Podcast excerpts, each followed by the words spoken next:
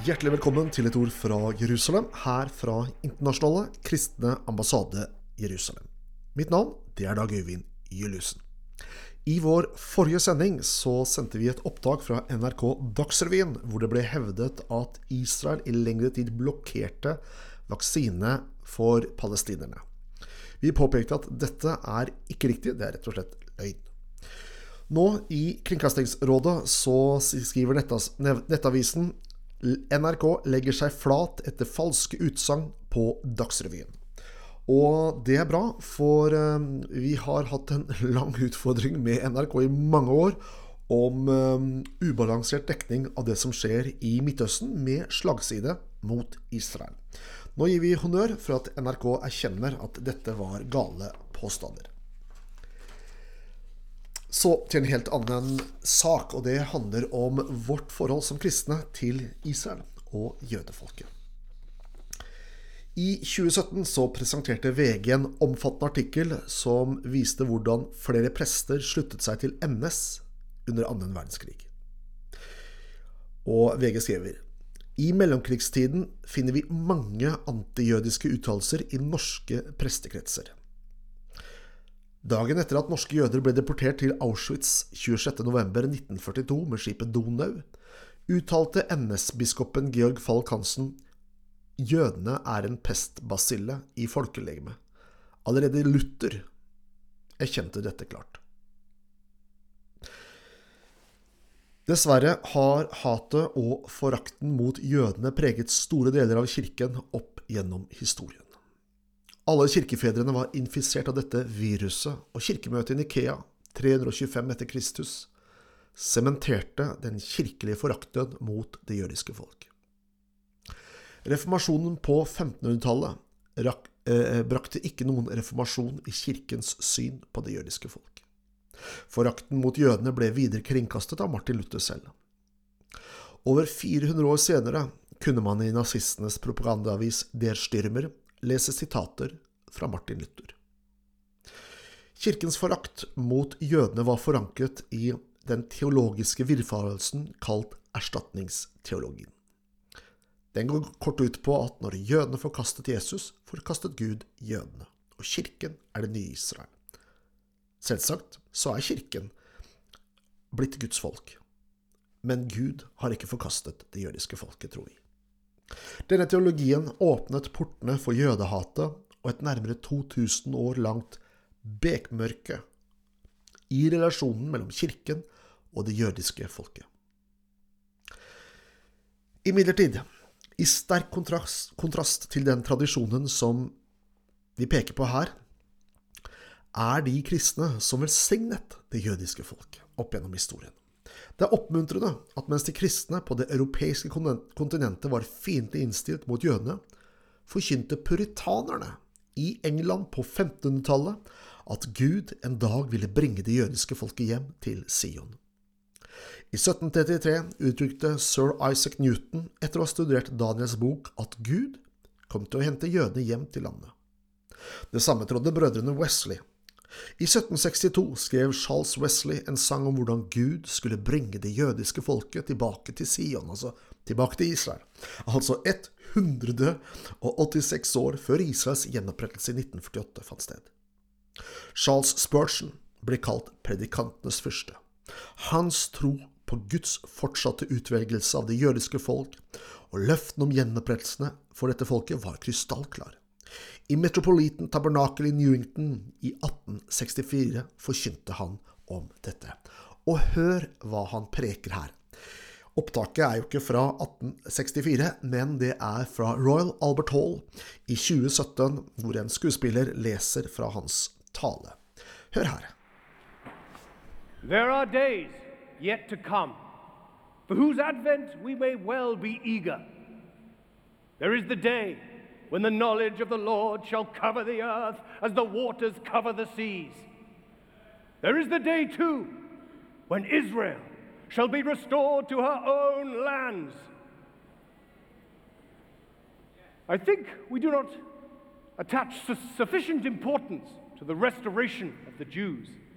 We do not think enough about it. But certainly, If there is anything promised in the Bible, it is this. I imagine that you cannot read the Bible without seeing clearly that there is to be an actual restoration of the children of Israel.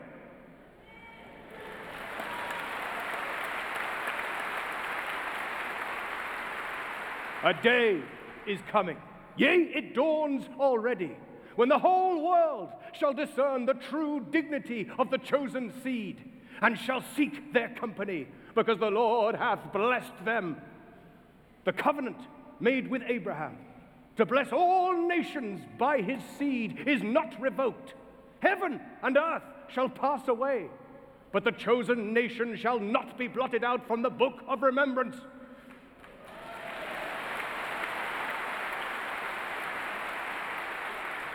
The Lord hath not cast away his people. He has never given their mother a bill of divorcement. He has not put them away. In a little wrath, he hath hidden his face from them. But with great mercies will he gather them. O time, fly thou with rapid wing and bring the auspicious day. There will again be a native government again. There shall again be the form of a body politic. A native government will be established, and a king will reign. Israel has now become alienated from her own lands. Her sons, though they can never forget the sacred dust of Palestine, yet die at a hopeless distance from her consecrated shores. But it shall not be so forever, for her sons shall again rejoice in her her land will be called Beulah. For as a young man marries a virgin, so shall her sons marry her. I will place you in your own land, is God's promise to them. Ja, her hørte du et opptak av en tale eh, holdt i Royal Albert Hall i 2017 i anledning markeringen av Balfour-deklarasjonen.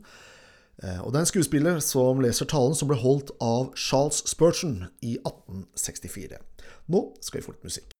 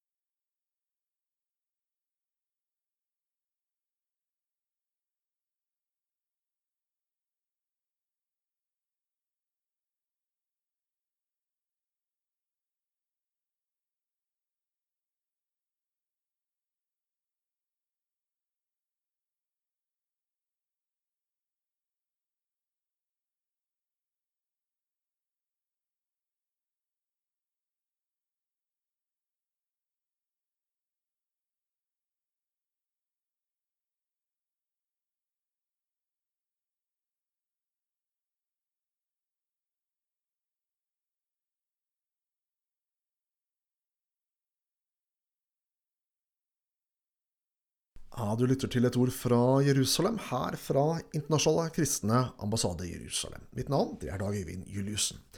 Før musikken her så hørte vi eh, gjengitt en tale av Charles Spurgeon, som han holdt i 1864, om jødefolket og en kommende nasjon for dem. Og jeg siterer her på norsk. Det er dager som skal komme som vi ivrig kan vente på. Det er dagen da kunnskapen om Herren skal dekke jorden slik som vannet dekker havet. Det er også en annen dag, da Israel skal bli gjenopprettet til hennes eget land. Jeg tror ikke vi tilstrekkelig forstår viktigheten av jødenes gjenopprettelse. Vi tenker ikke nok på det. Om det er noe som det er gitt løfte om i Bibelen, så er det dette. Jeg kan ikke forestille meg at du kan lese Bibelen uten klart å se at det vil bli en gjenopprettelse av Israels barn. En dag kommer, ja, den er allerede på vei, da hele verden skal se den sanne verdigheten til den utvalgte ætten og søke fellesskap med dem, fordi Herren har velsignet dem. Pakten Gud gjorde med Abraham, hvor hele verden skulle bli velsignet gjennom hans ett, er ikke tilbakekalt. Himmel og jord skal forgå, men den utvalgte nasjonen skal ikke bli fjernet fra minneboken. Herren har ikke forkastet sitt folk. Han har ikke gitt dem noe skilsmissebrev. Han har ikke fjernet dem. I en liten vrede har han skjult sitt ansikt for dem, men med stor nåde vil han samle dem. O tid, fly av gårde med raske vingeslag og bring denne lykkebringende dagen. Det vil bli en innfødt regjering igjen. Det vil nok en gang bli en konkret politisk stat. En stat skal bli innlemmet, og en konge skal regjere. Israel er nå blitt fremmedgjort for sitt eget land. Hennes sønner, selv om de aldri kan glemme Palestinas hellige støv, dør i håpløs distanse fra hennes innviede kyster. Men det skal ikke bli slik for evig. For hennes sønner skal igjen glede seg i henne. Hennes land skal igjen bli kalt Beula. For som en ung mann gifter seg med en jomfru, slik skal hennes sønner gifte seg med henne. Jeg vil plassere deg i ditt eget land, er Guds løfte til dem. Oversettelsen her er gjort av undertegnet og Bjørn Olav Hansen. Dette var altså fra en tale som Charles Spurgeon holdt i 1864 om at Gud kom til å hente tilbake det jødiske folket til Sion, og det kom til å bli opprettet en politisk stat for det jødiske folket. Og det skjedde mange år senere, i 1948. De britiske kristne som erkjente at Gud ikke var ferdig med de jødiske folk. De ble en nøkkel til at England kom til å støtte opprettelsen av staten Israel. Og Det var disse, det disse pastorene og forkynnerne sa, at England må hjelpe jødene å få sitt land tilbake. Og det var nettopp det som skjedde. I dag sier Israels statsminister Benjamin Netanyahu at jeg tror ikke at staten Israel hadde eksistert om det ikke hadde vært for de kristne sionistene. Og det er også det som er tilfellet. Tenk hvilken fantastisk arv for de vekkelseskristne i England som støttet det jødiske folket, og som ble til velsignelse på den måten at England støttet gjenopprettelsen av staten Israel, og ble en nøkkelspiller i den prosessen. Du har lyttet til et ord fra Jerusalem, fra Internasjonale kristne ambassade i Jerusalem. Jeg heter Dag Øyvind Juliussen, og takk for følget.